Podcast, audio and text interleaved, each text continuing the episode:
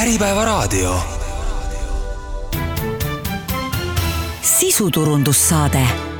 tervist, minu nimi on Hando Sinisalu ja te kuulate sisuturunduse saadet. täna räägime turundusest ja minu vestluskaaslaseks on PHD tegevjuht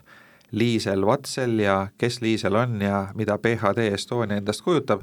seda kohe alustuseks uurimegi, et kõigepealt palun tutvusta ennast, räägi oma taustast ja tee enda agentuuri kohta ka selline väike liftikõne tutvustus, et kuulajad aru saaks, millega PHD Estonia näol tegu on. tere, mina olen siis Liisel, PHD Meedia Eesti tegevjuht, ametis olnud juba üle kahe aasta, turunduskogemust on mul äh, varukas juba kolmteist aastat, alustasin oma karjääri Baltika Grupis äh, turundusassistendina ja, ja sealt äh, sai minu jaoks suur turundusteekond siis alguse.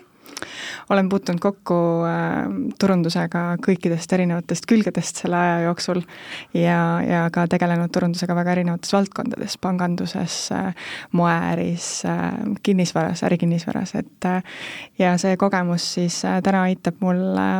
teenindada kliente PHD meedias. Ja PHD Meedia on siis meediaagentuur, aga, aga jällegi meie kuulajate seas on inimesi, kes ei ole otseselt turundusega seotud, et palun selgita nende jaoks ka, mida siis agentuur täpsemalt teeb. Jaa, et äh, nimi justkui reedaks ette, et me tegeleme ainult meediaga, ehk siis äh, reklaami vahendamisega meediasse, aga tegelikult äh, meie tegevus äh, ampluaa on palju laiem, me tahame ennast kutsuda täisteenus turundusagentuuriks, me proovime mõelda oma klientidega kaasa turunduse teemadel laiemalt ja pakkuda, pakkuda siis lahendusi nende turundusprobleemidele, ükskõik mis siis selleks ka ei oleks no PHD on rahvusvaheline agentuur ja te saate kasutada oma globaalse võrgustiku know-how'd ja teadmisi ja sul ongi siin stuudios kaasas üks äh, raamat, mille pealkiri on Shift äh, või siis muutus äh, eesti keeles. ja sellest raamatust ja õigemini selle raamatu tarkustest me siis täna vestlemegi, et asja point on siis selles, et, et turundus, nagu iga muugi valdkond, on pidevas muutumises, aga noh, turundus, kuna tehnoloogia mängib seal päris olulist rolli, siis seal need muutused on kiiremad kui võib-olla mõnes muus valdkonnas. et mis siis need peamised muutused täna on, mida, mida arvestama peaks, mis turunduses on teistmoodi, kui võib-olla kümme aastat tagasi olid? Jaa, et ähm, tulen selle küsimuse alguse juurde korraks tagasi, et äh, PHD Meedia tõesti on rahvusvaheline äh, kontsern selles mõttes, et meil on äh, üle saja kontori üle maailma äh, erinevates riikides ja Eestis sellist äh, globaalset asja ajada on suur äh,, suur au ja, ja väga huvitav, et äh, meie selline ähm, network või siis äh, agentuuride ühendus toimib väga hästi üksteise toetamises, äh, meie käsutuses on siis äh, tööriistad, mis on töötatud välja Ameerikas, meil on teadmised ja kogemus Londonist, ehk siis meil on võimalik kõike seda tarkust, turundustarkust, mida siis on ka mujal rakendatud ja, ja välja mõeldud siin väikeses Eestis kasutada. ja PHD erinebki siis võib-olla teistest meediaagentuuridest äh, selle võrra, et äh, et äh, meie agentuuri grupi inimestele siis meeldib kujundada ideid ja, ja juhtida seda turundusmõttemaailma ja, ja pakkuda välja lahendusi ka nii-öelda ajast ette ja seeläbi on ka kirjutatud siis erinevaid äh, raamatuid, tegelikult Shift on siis järjekorras juba kümnes PHD raamat ja tõesti äh, käsitleb siis ähm, seda, et äh, millistes muutuste tuule, tuultes on siis turundus viimasel ajal olnud. et milline ta oli enne aastat kaks tuhat seitse, kui veel internet ja, ja tegelikult arvutid olid küll olemas, aga, aga kiirused olid aeglased ja, ja, ja seadmed olid kallid, kuni siis selleni, selleni, et äh, iPhone äh, äh, tuli turule ja sellega põhimõtteliselt muutus kõik ja seda perioodi, mis siis alates kaks tuhat seitseteist kuni kaks tuhat kakskümmend põhimõtteliselt on kestnud, kutsutakse ka selliseks pikaks dekaadiks, kolmteist aastat on see, see muutus kestnud, kus siis äh, ongi tõusnud äh, domineerivaks turundusest digiturundus, me räägime suurtest andmekogudest, mida me saame kasutada, me räägime seda, et äh, turundus on personaliseeritud äh, ja, ja me räägime, me räägime sellest, et äh, et kuidas see tehnoloogia siis meiega nagu kaasas käib ja, ja mis mõju tal turundusele tervikuna on ja kogu see, kogu see muutus selles raamatus on käsitletud äh, läbi siis selle prisma, et turundus justkui on jõudnud äh, väikesesse keskea kriisi, et äh, kus on natukene kaotatud silmist võib-olla see, mis on päriselt oluline ja, ja joostakse nii-öelda järgmise uue läikiva asja järgi ähm,. ja, ja PHD siis võib-olla püüabki natukene seda fookust tagasi tuua, et, et me ei unustaks ära, mis on päriselt oluline, ehk siis meie klient, meie armas tarbija no see muutus, mis sotsiaalmeedia ja, ja siis mobiilsete seadmete kasutusele võtmisega tuli, on, on tõesti nagu, nagu päris või võib-olla üks suuremaid, mis, mis turunduses üldse on pika aja jooksul juhtunud. ja, ja minu arvates kõige suuremaks väljakutseks on ikkagi see, et see info hulk, sõnumite hulk, mida igaüks saab, on, on suurenenud. Ja, ja kui vanasti said turundussõnumid ainult siis, kui sa avasid ajalehe või ajakirja või raadio või, või istusid teleka ette, siis nüüd sisuliselt arvestades seda, et telefon on meil enamikel kasutuses kogu aeg ja, ja uudiseid ja sotsiaalmeediat me jälgime ka sisuliselt kogu aeg, siis, siis need sõnumid tulevad ka kogu aeg meieni ja nüüd äh, turundaja vaatenurgast äh, on, on väga suur väljakutse see, kuidas selles äh, meeletus info hulgas või selles virvarris meelde jääda. sellepärast, et, et need hinnad, mis on vajalikud selleks, et sõnumit edastada, on ka päris alla läinud, et tegelikult juba kümne euro eest on võimalik ju mõnel nurgapealsel kohvikul või pagariääril ka Facebooki reklaam panna ja võib juhtuda, et, et me näeme seda reklaami et, et kuidas siis äh, selles meeletuse info hulgas on võimalik esile tõusta? jah, et mis praegu toimub, ongi selline mõnes mõttes polariseerumine, et ühest küljest tehakse selliseid, äh, tehakse endiselt äh, ju massreklaami televiisoris, et telereklaam ei ole kuskile kadunud ja rääkida seal täna personaliseerimisest on, on selgelt liiga vara, et võib-olla me jõuame sinnani. aga, aga siiski me kõik näeme Maxima reklaami meie kanalitest ühtemoodi, eks ole. või, või mõne teise brändi reklaami. Äh, see personaliseerimine toimubki nendes seadmetes, mis meil äh, igapäevaselt käes on ja, ja lugesin hiljuti, et äh, inimene Facebooki voos siis näeb ühes sekundis kahte reklaami. et see on päris, päris karm tegelikult, et, et et ja selles orienteeruda on tõesti väga keeruline ja, ja täiesti saan aru, et turundusinimeste ja turundusjuhtide elu on, on väga-väga keeruline, et ettevõtte juhid nõuavad kogu aeg aina paremat tulemust ja ja võib-olla see ongi üks nendest nagu probleemidest, et, et me keskendume teinekord võib-olla liialt erinevatele nii-öelda äh,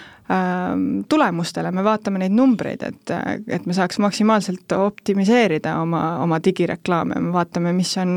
mis on levik, mis on kaasatus, mis on äh, meie jälgijate arv ja et, et me saaks võimalikult odavalt selle otsingumootori kliki kätte ja nii edasi. ja jällegi me unustame sealjuures, juures nagu ära, et mis, mis selle kliendi probleem tegelikult on, et, et see kaob meil justkui nagu silmist. et mina arvan, et, et see eristumise moment ja, ja see nii-öelda meeldejäävuse moment ongi see, kui sa oma reklaamiga või oma sisuga, mida sa siis tarbijale pakud äh,, päriselt korda lähed. Et sa saad aru, mis on tema pain point või ehk probleem, et äh, sa lahendad tema jaoks midagi, et äh, see sisu, mida sa pakud, on tema jaoks kõnetav. Aga ikkagi, isegi kui see sisu on kõnetav, siis selleks, et selles info hulgas silma paista, selleks on vaja midagi teha, et ma olen ise ka turunduses päris pikalt olnud ja ja, ja käinud ka erinevatel suurtel maailma turunduskonverentsidel, nagu, nagu Cannes Lionsi festival näiteks. Ja, ja päris huvitav nagu aja jooksul jälgida seda, et kuidas äh, teemad muutuvad, et noh, turundajatele meeldib ka igasuguseid selliseid äh, lühikesi asju nagu üles, üles äh, puhuda, et see haip inglise keeles on päris suur igasuguste uute, uute tehnoloogiliste lahenduste või, või mingite mänguasjade juures ja, ja, ja kui ütleme, umbes kakskümmend aastat tagasi räägiti veel hästi palju loovusest, et see oli tähtis, et reklaamisõnumid oleks loovad ja, ja, ja meeldejäävad ja eristuvad ja, ja kõik need emotsioonid, mis sealjuures olid, huumor ja ja nii edasi, siis, siis praegu on see see tähelepanu väga palju nihkunud loovuselt ära ja on hästi selline, ütleme siis meediakeskne või sellise ütleme, läinud tehniliseks, et, et mitu inimest klikib kuhugi ja see, mida üldse näidatakse, see nagu ei olegi eriti oluline ja ja kui kuulata ka neid konverentsi ettekandeid, siis sellest, et mida öelda, räägitakse väga vähe. pigem räägitakse, kus öelda, mitu korda ja kõik see, see tehniline pool on muutunud nii oluliseks, et mis see, mis see loovuse roll üldse täna on sinu hinnangul, et et noh, kui loov sa üldse seal mingisuguse Google'i reklaamiga saad olla, et see, see otsingu reklaam on ju teksti kujul, eks ole, Facebookis enamik reklaame on äh, sõrmeotsa suurused, äh, seal on heal juhul on neli-viis sõna ja üks pilt ja see ongi kogu reklaam. et, et mis need loovuse võimalused üldse nii, niivõrd sellises piiratud olus, olukorras on? Jah, et see efektiivsus ongi vedanud seda turundusmaailma nagu päris, päris pikalt ja, ja võib-olla tõesti, et see loovus on jäänud sinna tahaplaanile, et sellest ka meie agentuuri grupp räägib kui tähelepanust, et tegelikult me võitleme nii-öelda nagu tarbija tähelepanu eest, enam mitte kõige odavama klikihinna eest, on ju, et et, et need mõõdikud kogu aeg muutuvad, mida me siis kasutame aga sellel loovusel kindlasti on väga-väga äh, oluline roll, et tõesti kanalite pidi ähm, saab seda rakendada rohkem või vähem, aga, aga võib-olla selline üks eristumiskoht, äh, mida täna saaks kasutada selleks, et äh, Eestis kindlasti on näiteks kasutajate loodud sisu, et tuua seda oma turunduskommunikatsiooni sisse ja nii-öelda konkureerida orgaanilise sisuga, mida kliendid või tarbijad ja inimesed nii ehk naa tarbivad ja, ja mille pärast nad üldse nendesse Äh, äppidesse, rakendustesse sotsiaalmeediasse ju lähevad, et, et keegi ei lähe Instagrami, et neile midagi müüakse, nad lähevad sinna, et et olla, et nende meel oleks lahutatud, et vaadata midagi harivat, vaadata, mida nende sõbrad on teinud ja nii edasi. et, et ma arvan, et see on üks võimalustest, mida brändid täna saavad teha, et, et pakkuda sisu, mis, mis mõjub kui orgaaniline sisu no see kasutajate loodud sisu, noh, ütleme kõige sellisem lihtsam äh, näide võib-olla on see, kui mõni äh, ütleme, ilublogija näiteks äh, või ilu mõjuisik Instagramis kasutab mõnda kosmeetikatoodet või mingit ilutoodet ja, ja on sellega rahul eeldatavasti ja siis kiidab seda või näitab, kuidas seda kasutada või annab mingid nõuanded, et see on selline päris noh, ütleme, ma arvan, kõik me oleme seda näinud ja kujutame ette, et kuidas see käib aga hästi palju muid teenuseid on ka ja paljud neist on palju keerulisemad, et kuidas, kuidas kasutaja loodud sisu abil,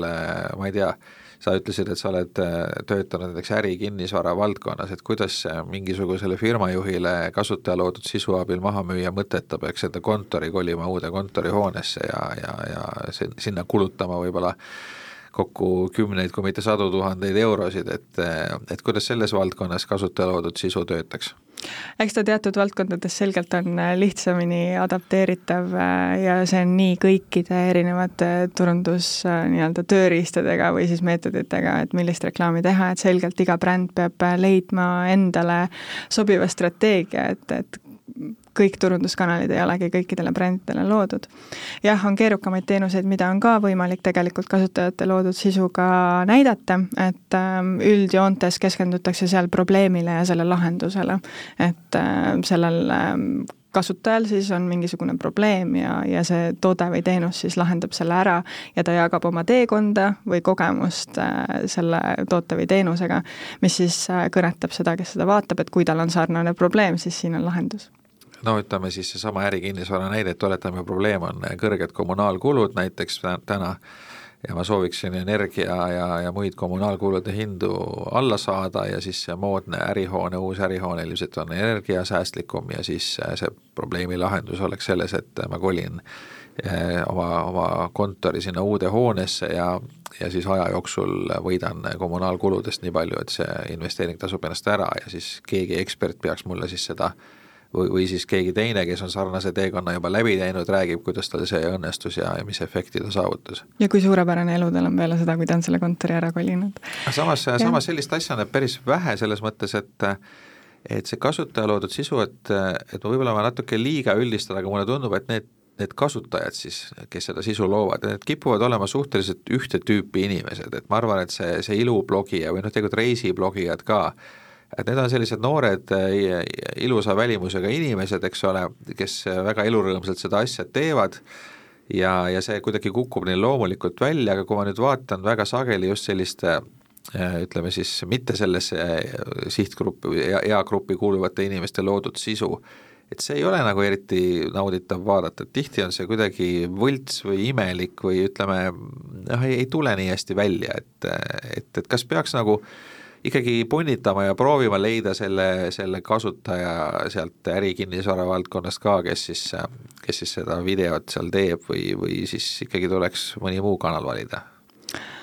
noh, eks Eestis on see kasutajate loodud sisu natukene veel lapsekingades, et me oleme siin Eestis harjunud influencer või siis mõjuisiku turundusega, et äh, mis alati mõjubki meile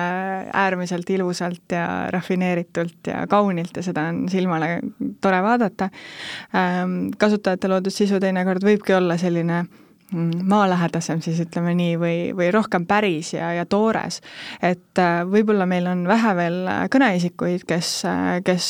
oskavad sellisel tasemel sisu luua erinevates sihtgruppides, et et ma usun, et meil on siin äh, nagu arenguruumi ja ma usun, et, et me liigume selles suunas, et kui vaadata, mis toimub suurtel turgudel ja mis harilikult need suured trendid jõuavad nagunii meile lõpuks, siis siis, siis suurtel turgudel Austraalias, Ameerikas on, toimib see väga hästi ja on kõneisikuid tõesti väga erinevate taustadega, väga erinevatest eluvaldkondadest ja, ja ja väga erinevate siis probleemidega, mida nad oma vaatajaskonnale lahendavad kas see tähendab siis seda, et kui, kui meil on, ütleme, klassikalised meediakanalid, et meil on, ütleme, ma ei tea, Kanal kaks ja, ja Delfi ja Eesti Ekspress ja nii edasi, et siis sinna kõrvale võrdväärsena tuleb ka keegi eraisik, keegi inimene, äh, kes siis on samamoodi nagu meediakanal, et, et tal võib olla ka ju Youtube'is või Instagramis äh, kümneid tuhandeid jälgijaid, mis on võib-olla võrreldav mõne äh, ma arvan, et mõnel mõjuisikul kindlasti on rohkem äh, suurem auditoorium kui näiteks mõnel maakonnalehel, eks ole. et ta sisuliselt on, äh, on suurem meedia kui noh, ma ei tea, võtame mingisuguse Võrumaa Teataja ajaleht või, või, või midagi sarnast, eks ole et, et kas see tähendab seda, et, et, et kui nagu siis seal kümme või rohkem aastat tagasi meil olid need klassikalised meediakanalid, äh, ajalehed ja raadiojaamad ja telekanalid, et nüüd meil on need alles veel ja sinna on lisandunud sajad, kui mitte tuhanded eraisikud, kes siis oma äh, sotsiaalmeediakanalites ka saavad reklaamida üht kui teist ja nad on tegelikult ka nagu meediad, meediakanalid noh, täna me ju tegelikult oleme selles olukorras mõjuisikutega, et see on, see on juba meie nagu tänapäev, eks sa võib-olla oskad seda ise rohkem kommenteerida, et millist konkurentsi nad tavalisele meediaväljaandele pakuvad ähm,. Võib-olla see fookus on natukene erinev, eks ole, et, et mis mis see sisu seal on, sisufookus on kindlasti erinev. aga, aga reklaami mõttes tõepoolest ma arvan, et täna mõjuisikud kindlasti konkureerivad meediaväljaannetega reklaami osas, reklaamiraha, nii-öelda kliendi eelarve osas. et, et põhimõtteliselt Äripäevale või siis selle Võrumaa Teatajale nagu konkurendiks on siis Mallukas või Brigitte Susanne Hunt, kellele teie kui meediaplaneerijad samamoodi kui teil on, ma ei tea, eelarve, ütleme, ma ei tea, lihtsuse huvides kümme tuhat eurot, et siis võib juhtuda, et Äripäeva või Võrumaa Teataja asemel see raha läheb hoopiski Mallukale või Brigitte Susanne Hundile vastavalt tootest või teenusest ja, ja selle sihtrühmast absoluutselt. võib juhtuda niimoodi? see juhtub juba Juhtubki, ja, ja, ja, ja juba päris mõnda aega. aga see erineb siiski natukene sellest kasutajate loodud sisust, et kasutajate loodud sisu puhul me ei räägi mõjuisikutest, et kasutaja loodud sisu nii-öelda loojal ei pea olema jälgijaskond, sellepärast et see on sisu, mida tegelikult bränd kasutab ise enda kanalites oma toote või teenuse reklaamimiseks. okei okay,, see on siis näiteks niimoodi, et äh, ma saan aru, Maximat sa mainisid, et võtame Maxima siis näiteks, et oletame, et äh, nüüd keegi äh, entusiastlik sisulooja Maxias käinud, Maximas käinud shoppamas ja ta teeb siis video, et tuleb koju, pakib selle oma selle poekoti lahti ja siis hakkab seal süüa tegema ja, ja paneb selle nii-öelda lõbu pärast kuhugile üles ja siis Maxima näiteks saab seda sisu kasutada enda reklaamis äh,. sisulooja nõusolekul, jah. just mm, -hmm. aga sisulooja saab sellest raha ka või? Jah, nii võiks see asi käia et sellisel juhul see sisulooja konkureerib siis, kui me enne tõime võrdluse Malluka, Brigitte Susanne Hunt versus Äripäev ja Võrumaa Teataja, siis selle näite puhul äh, see sisulooja, kes Maxima poekoti lahti pakkis ja süüa hakkas tegema, konkureerib mõne reklaamitootja firmaga näiteks ma ei tea jah, võib-olla videoproduktsiooni firmaga nafta, selles mõttes. nafta Filmsi ja loovinimestega. loovinimestega. et tegelikult äh, Äh, üldistades võib öelda siis, et eraisikud, täiesti inimene tänavalt, on põhimõtteliselt konkurentsis siis tööstusharudega, ühest küljest meediatööstusega, teisest küljest siis selle reklaamiproduktsiooni tööstusega. ja nad võivad tegelikult nagu enam-vähem isegi samades suurusjärkudes opereerida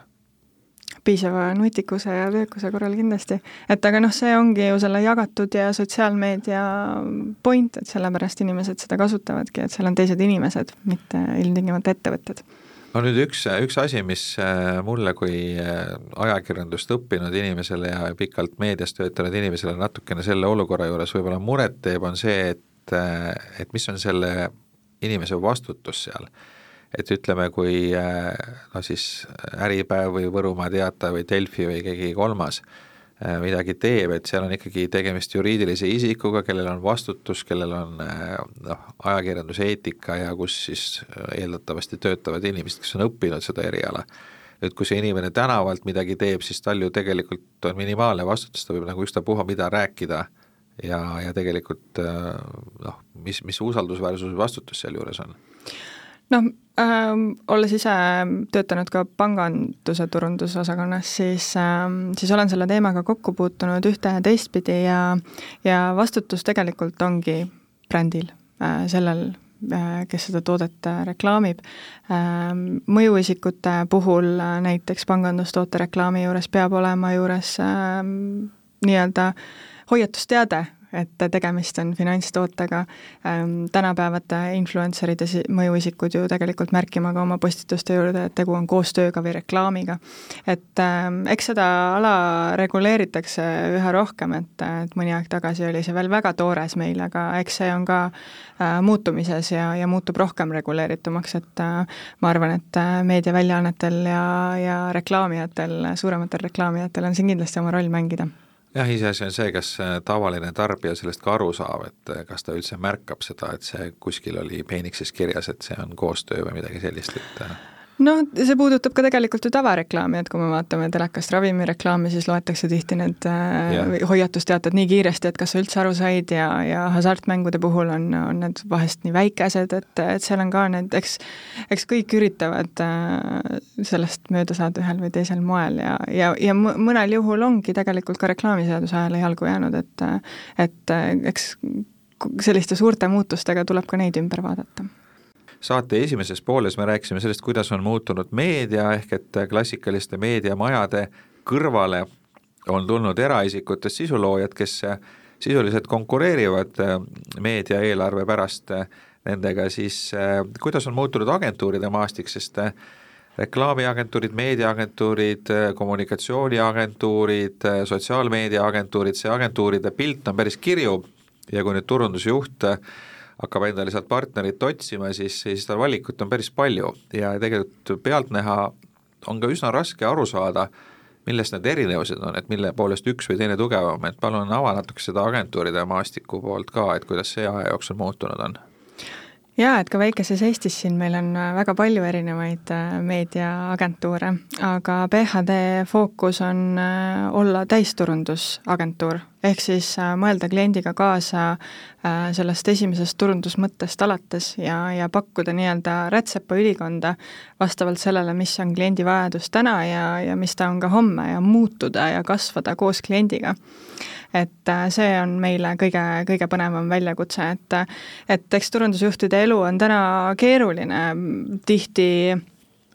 tihti nad on olukorras, kus äh, neil on äh, digiturunduse partner üks ettevõte, üks agentuur, loovagentuur on eraldi, siis on veel võib-olla sotsiaalmeediaturundusagentuur ja siis neil on veel meediaagentuur, ehk siis see on selline päris nagu kirju kompott ja, ja nii palju erinevaid kontakte, kellega nagu suhelda. Et, äh, et see on kindlasti selline meie, meie tugevus, et, et me oleme kliendile selline äh, inglise keeles siis one-stop shop ehk siis selline peatöövõtja. peatöövõtja jah, et, et püüame siis kliendi jaoks lahendada väga laia ampluaad probleeme ähm,. Ja, ja PHD siis tugevus on kindlasti ka see, et, et me kuulume tõesti sellesse suurde gruppi, nagu me alguses rääkisime, et, et ligipääs tööriistadele, kogemusele ja, ja turundusteadmistele äh, on meil väga-väga lai ja üle, üle maailma. ehk siis äh, meil ei ole ainult äh, kuusteist aastat Eestis meedia planeerimise ja turunduskogemust, vaid, vaid meil on ligipääs ja võimalus kasutada siis kõikide oma kolleegide kogemust ja, ja mm, õppetunde ka oma siis äh, kohalike klientide ja, ja partnerite äh, turunduskampaaniate elluviimiseks no kliendi pool on äh, tavaliselt ka terve osakond, vähemalt suuremates firmades, turundusinimesi ja, ja viimasel ajal on, ma olen märganud sellist suundumust, et, päris paljud sellised kogenud turundusjuhid, kes võib-olla enam ei tööta ühe või teise firma heaks, ütlevad, et neid saab rentida, et on selline lühiajalise turundusjuhi renditeenus ja, ja ma olen kuulnud, et ka agentuurid pakuvad seda, et tegelikult võib-olla kui eh, siis kliendil või, või firmal, kes turundab, ei ole piisavalt mõtet eh, võtta endale palju inimesi tööle ja võib-olla piisab ühest, aga siis kõrgperioodidel, kui on mingid kampaaniad või, või mingisugune laienemine, et siis tal on ühe inimese kohta liiga palju tööd ja samas ole mõtet ka võtta tööle uusi inimesi, et siis tegelikult oleks, oleks mõistlik võib-olla sisse osta seda teenust, et äh, paljudes teistes valdkondades, IT-s näiteks ja ja, ja igal pool mujal ka ju on, on muutunud päris populaarseks see nii-öelda see outsourcing inglise keeles, et kuidas turunduses sellega on, et kas, kas agentuurid võtavad seda turundusjuhi tööd ka enda peale rohkem? Meie projektijuhid kindlasti võtavad turundusjuhtide tööd enda peale, sellepärast et meie projektijuhid mõtlevad kliendiga kaasa ja, ja, ja olles kogenud väga erinevate klientidega, siis, siis teinekord mõned probleemid meie projektijuhtide jaoks on juba ettenähtavad ja ennustatavad ja ja oskame neid ette lahendada, enne kui võib-olla turundusjuht ise nende peale tuleb või nendeni jõuab. et, et kindlasti, kindlasti selles osas meie mõtleme oma kliendiga kaasa. kui rääkida sellest outsourcing ust või, või tööjõu sisseostmisest, tegemisest, siis, äh, siis see on väga loogiline nendes momentides, kus tõesti on ähm, rohkem vaja turundust, kas tegu on mingisuguse lansseerimisega, uue toote äh, nii-öelda turule tulekuga või tegu on mingisuguse uue turundussüsteemi juurutamisega ettevõttes, et, et see on ka koht, kus, kus on vaja siis kas välist tööjõudu või, või siis agentuuri abi, et et seda me teeme ka, et kui kui ettevõttel emaili turundus näiteks enne puudus, aga, aga see nüüd tundub kui oluline äh, samm, mida ette võtta, et äh, siis, äh, siis me aitame ka juurutusega, me ilmtingimata ei saada neid meile välja, vaid me koolitame turundusosakonda, turundusinimest või siis seame üles protsesse, et, et ettevõte saaks seda ise teha et äh, sellistel puhkudel ka kindlasti see on loogiline. Ähm, ka agentuur tegelikult ju kasutab äh, nii-öelda vabakutseliste ja vabakutseliste abi ja, ja teiste partnerettevõtete abi ja nii edasi, et me ei ole selles mõttes selline äh, staatiline üksus, et, et me samamoodi areneme, muutume, kasvame, kahaneme vastavalt äh, turuolukorrale ja sellele, mis meie klientide vajadused täna on no üks probleem, mis tundub klientidel olevat, kui ma, kui ma loen ka erinevaid foorumeid, siis äh, tihti küsitakse, et aga pa-, palju maksab, ma tahaks sotsiaalmeedia postituste teenust osta, et palju maksab mingi üks postitus näiteks, et et noh, ütleme, see ei tundu väga professionaalne küsimus, aga samas seda küsitakse päris palju. et, et oletame, et on selline tavaline ettevõte, ei ole väga sotsiaalmeedia valdkonnas aktiivne olnud ja nüüd tahaks hakata postitama, ta mõtleb, aga ma ostan selle töö sisse, et äkki keegi minu eest teeb selle postituse ära ja ja siis paneb üles ja teke-, tegeleb ka selle levitamisega, et et kuivõrd jätkusuutlik selline lähenemine on, või peaks ikkagi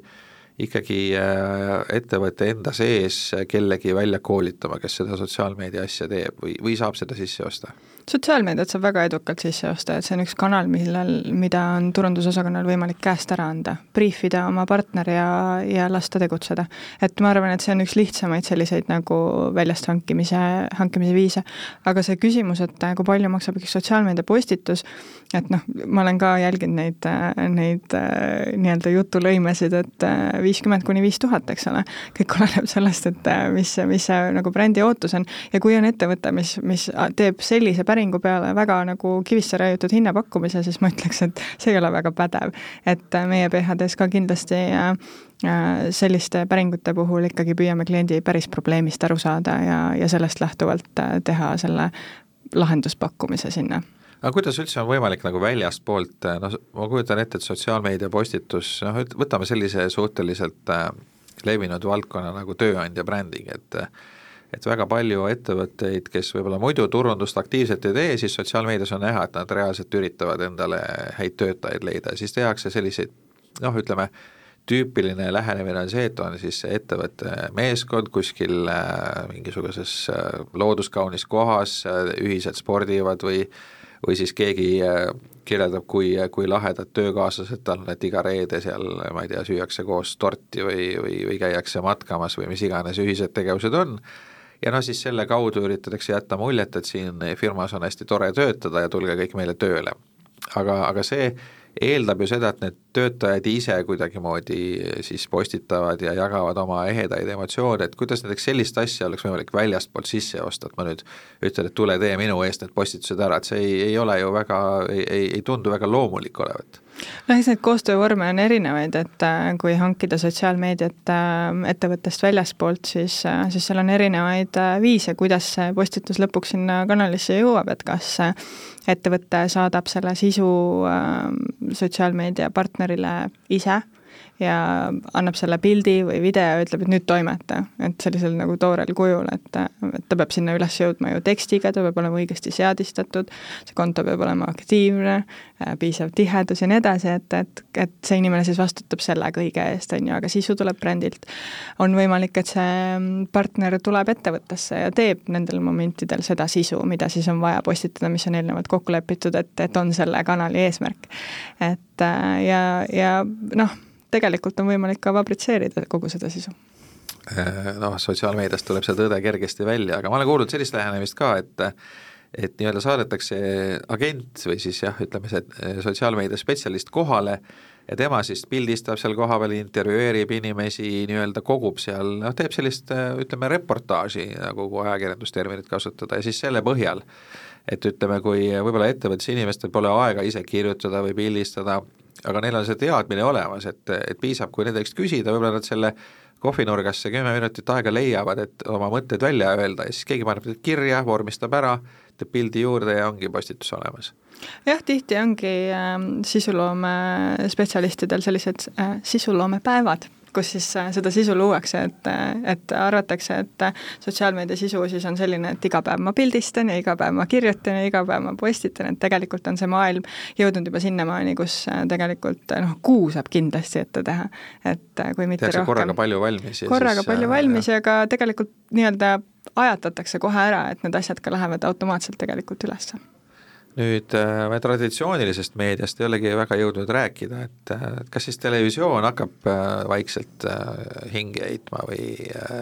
või see päris nii ei ole, et räägitakse ju, et noored inimesed enam ei vaata telekat, et vaatavad Netflixi või üldse TikToki,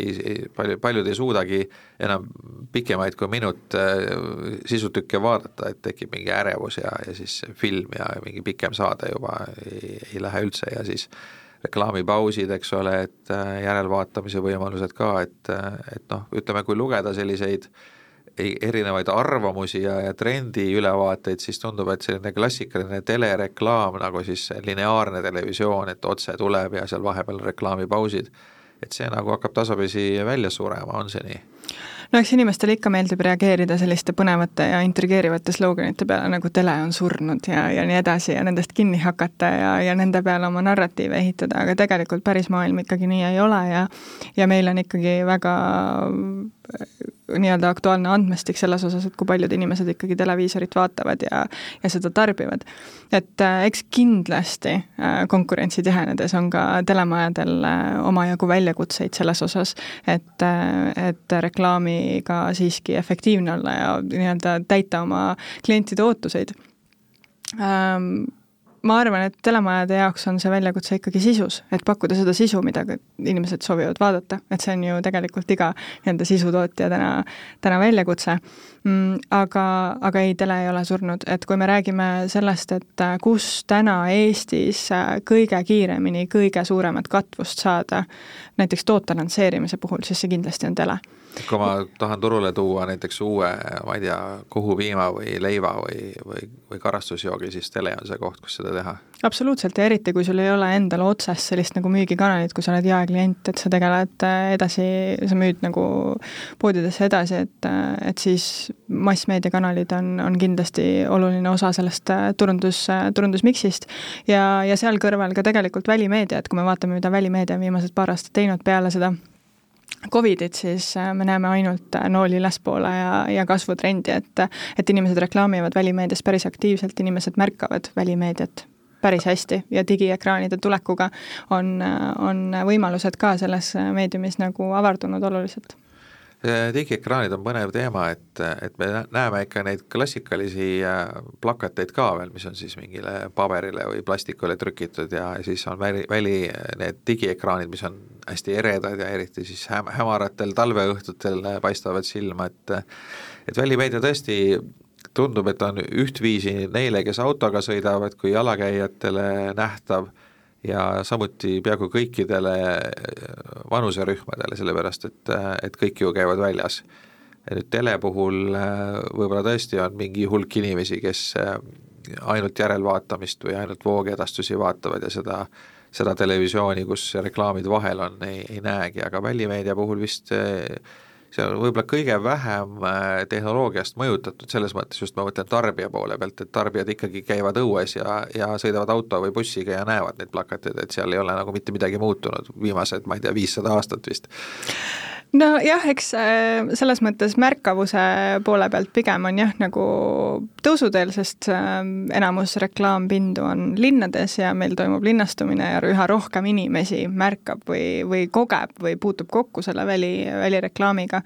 et, äh, et selles vaates küll, küll aga millega tegeletakse välimeedias ähm, jõuliselt, on see, et kuidas seda mõõta et äh, see on olnud väljakutse päris pikalt, et, et kuidas siis ikkagi teada, et mitu inimest minu seda äh, Paldiski maantee plakatit nagu nägi äh, selle kampaania perioodi jooksul, et, et see on täna see väljakutse, millega tegeletakse. on erinevaid nii-öelda tehnoloogilisi vahendeid selleks, et, et seda mõõta. Google tuleb siin tihti appi oma, oma jälitamisega ja nii edasi, et ähm, aga noh, et äh, sellist nagu sada protsenti ühtset äh, lahendust veel ei ole, aga, aga on andmestikke, millele ka meie tugineme ja mida me kasutame selleks, et siiski äh, anda selline rough estimate ehk siis selline ligikaudne prognoos. Aga räägime natukene trükistest ka, et ajalehed siin järjest kaovad areenilt ehk et, et selline klassikaline paberile trükitud päevauudiste vorm tasapisi hääbub kogu maailmas, ajakirjad nii ja naa, mulle tundub, et mõnedel läheb hästi, mõnedel mitte ja siis igasugune otsepost paberile trükitud, mis postkastidest tuleb, siis need firmad vähemalt, kes tegelevad sellega, kiidavad, et see läheb väga hästi, aga aga noh, see ei ole päris erapooletu. et mis juhul teie soovitate klientidel trükimeediat kasutada? Äh, olenevalt sihtrühmast. et kui me räägime vanemast sihtrühmast, siis ma arvan, et trükimeedia on kindlasti oluline osa sellest, et äh, kus ja kuidas turundada, et äh, et meil on siiski väga arvestatav osa inimesi, kes, kes trükimeediat tarbivad, et seda näitab kõik uuringud ja kõik andmestikud. ja tegelikult, kui vaadata nagu Baltikumi turgu, siis Eesti on trükimeedias endiselt esirinnas, meil, meil veel tarbitakse ajakirju ja ajalehti, et, et Lätis ja Leedus enam mitte nii väga, mis on, mis on huvitav selles mõttes võrreldes oma lõunanaabritega. et ähm, jah, et meil on neid perioodikaid ja ajakirju ja ajalehti päris palju väikese riigi kohta, eks äh, seal on see konkurents on tihe ähm,, aga, aga jah, kuna neid on palju, siis neil on ka väga spetsiifiline nii-öelda sihtrühm ja kui, kui sinu eesmärgiks on leida just see konkreetne sihtrühm, siis, siis see on koht, kus reklaamida. aga otsepost, see, mis inimestele postkastidesse tuleb, kuidas, mis juhul te seda soovitate kasutada? no siin me tuleme jälle selle tähelepanu juurde, et, et kuidas ja, ja kui palju tarbija seda reklaami märkab, et, et postkasti reklaam on midagi, milles on kontakt no üsna garanteeritud, et, et see on see, mille peale seal nagu välja minnakse, et, et sinu reklaami märgatakse. et vähemalt sa oled suutnud selle nagu märkamise kätte saada. et, et oma sõnumi nagu kohale, kohale viia. et kasutavad seda kinnisvaraettevõtted, kasutavad ju äh, jaeketid, et, et see toimib eriti sellise nagu hinnakommunikatsiooni või sellise nagu kiire sõnumi kohaleviimisega Äh, andmekaitse ka üks, üks oluline teema, et tegelikult ühest küljest tehnoloogia teoreetiliselt võimaldab meil koguda meeletus koguses andmeid ja enam-vähem kõike oma tarbijate kohta teada saada, samal ajal on äh, andmekaitse järjest karmimaks läinud ja, ja, ja siin äh, neid kas või viimasel ajal see see küpsiste või, või kukkide jälgimise teema, et tegelikult eri platvormide vahel koostöö ei ole enam nii hea, kui vanasti oli, et ma saaks, ma ei tea, Facebookist Google'isse ja oma veebilehele kõike kasutajat jälitada ja siis samuti talle lõpmatus koguses e-kirju saata, et see kõik on, on päris piiratud, et et kui palju see nagu teie tööd keerulisemaks teeb? no tegelikult meie tööd otseselt võib-olla nii väga ei teegi, et meie andmeid, kliendi andmeid ei käsitle, et äh, kliendi andmed jäävad alati äh, kliendi kätte ja meil voli nendega tööd teha harilikult ei ole. kui on, siis, äh, siis me jälgime siiski kõiki nõudeid ja protseduure selleks, et neid turvaliselt käsitleda, et ähm, aga tekitab see muret, et nagu andmeid on vähem, et selle noh, mingi aeg oli nagu see meelestatus selline, et me nagu enam-vähem saame kõike teada, et kõike on võimalik mõõta ja kliendi teekonda jälitada nagu esimesest kontaktist kuni ostuni välja, et nüüd on seal need teatud sellised pausid sees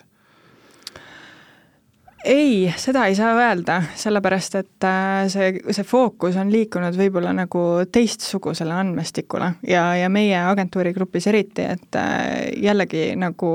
rohkem sellele, mida me kliendilt endalt nagu teada tahame saada ja temalt nagu küsime, et just selline kvalitatiivne andmestik on võib-olla isegi nagu täna olulisem selleks, et teha neid õigeid turundusotsuseid. et jah, digiturunduses eks see küpsiste äh, maailm ja, ja see äh, esimese osa siis äh, andmestiku kaotamine, eks see mõjutab meid, aga, aga ma arvan, et, et see on jälle üks koht, kus, äh, kus tuleb lihtsalt ümber orienteeruda ja, ja õppida teha neid õigeid otsuseid äh, teiste andmete põhjal nii, aga suur tänu, Liisel Vatsel, PHD Estonia tegevjuht, täna turundusmõtteid meiega jagamast, mina olen saatejuht Ando Sinisalu ja aitäh kõigile kuulajatele ka! aitäh!